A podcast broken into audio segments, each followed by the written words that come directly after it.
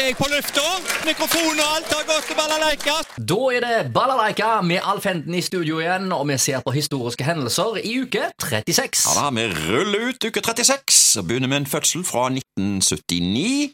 Jon Carew, 43 år da altså, eh, norsk fotballspiller og skuespiller. Eh, la oss først ta fotballspilleren Jon Carew. Angrepsspiller for mange klubber. Det viktigste var vel Vålerengen, Rosenborg, Valencia, Lyon og Aston Villa. Det var mange bare av det. Han ble jo ligamester med Rosenborg og Valencia, og for Norges A-landslag spilte han 91 kamper og skåra 24 mål. Etter en karriere så ble Carew skuespiller, eh, med en imponerende innsats i TV-serien Heimebane, og nå er han aktuell i kinosalen som Benny i Olsenbanden. Ja, ja, ja. Og Ja. han eh, gjør en fantastisk Ja, eh, jobb, det er det verste av alt. Ja.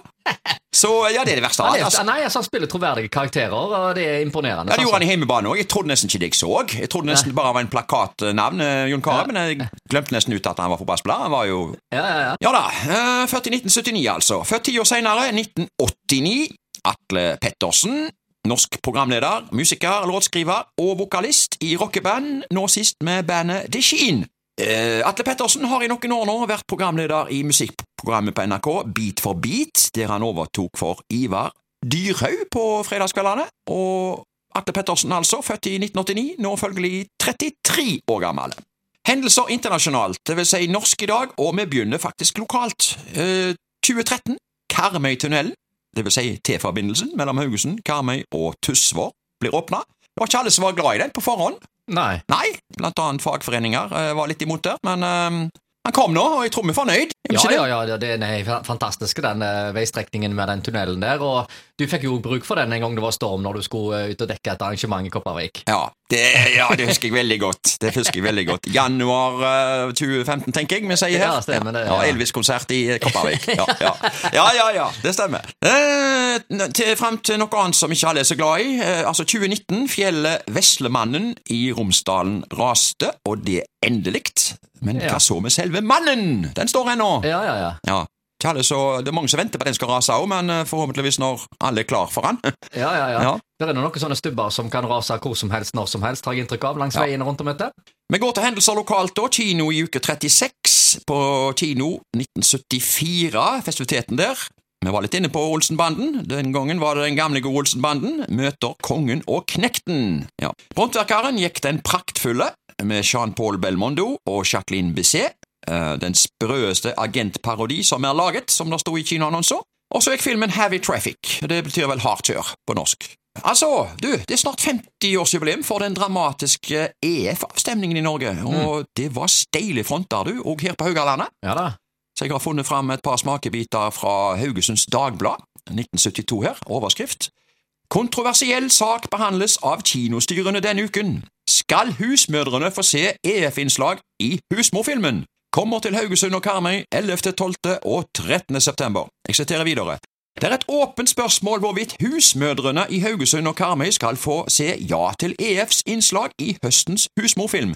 Det er de respektive kinostyrer som har avgjørelsen her, og saken kommer til behandling både i Haugesund og Karmøy kinostyrer denne uken. Husmorfilmen vil bli vist i Haugesund 11. og 12. september, og på Karmøy kino i Kopervik den 13. september. Filmen hadde premiere i går.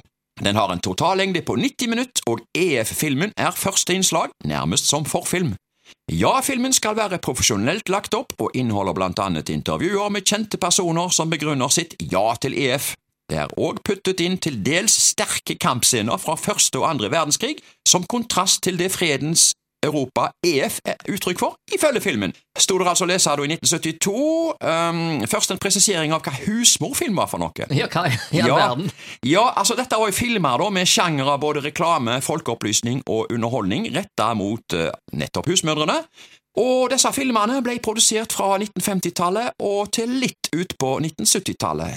Men altså, dette her EF-innslaget, da, det var jo et dilemma, da. Skulle kinoen sette opp det? Eh, tok de dermed parti i EF-saken? Ja. Dette var jo dilemmaene som kinoene måtte ta stilling til. Ja, ja, ja. For det var som sagt veldig steile fronter. ja, ja. Ja. Og det viser en annen sak her òg. 1972, da. Overskrift i Haugesunds Dagblad. Nei til EF-drosje sett i Haugesund. Tar opp saken, sier Drosjeeierforeningens formann. HD fikk i går spørsmål fra en dame om det er riktig at drosjen i Haugesund tar parti i EF-kampanjen. Grunnen til at jeg spør, sier hun, er at jeg så en drosje med nei til EF på ruten.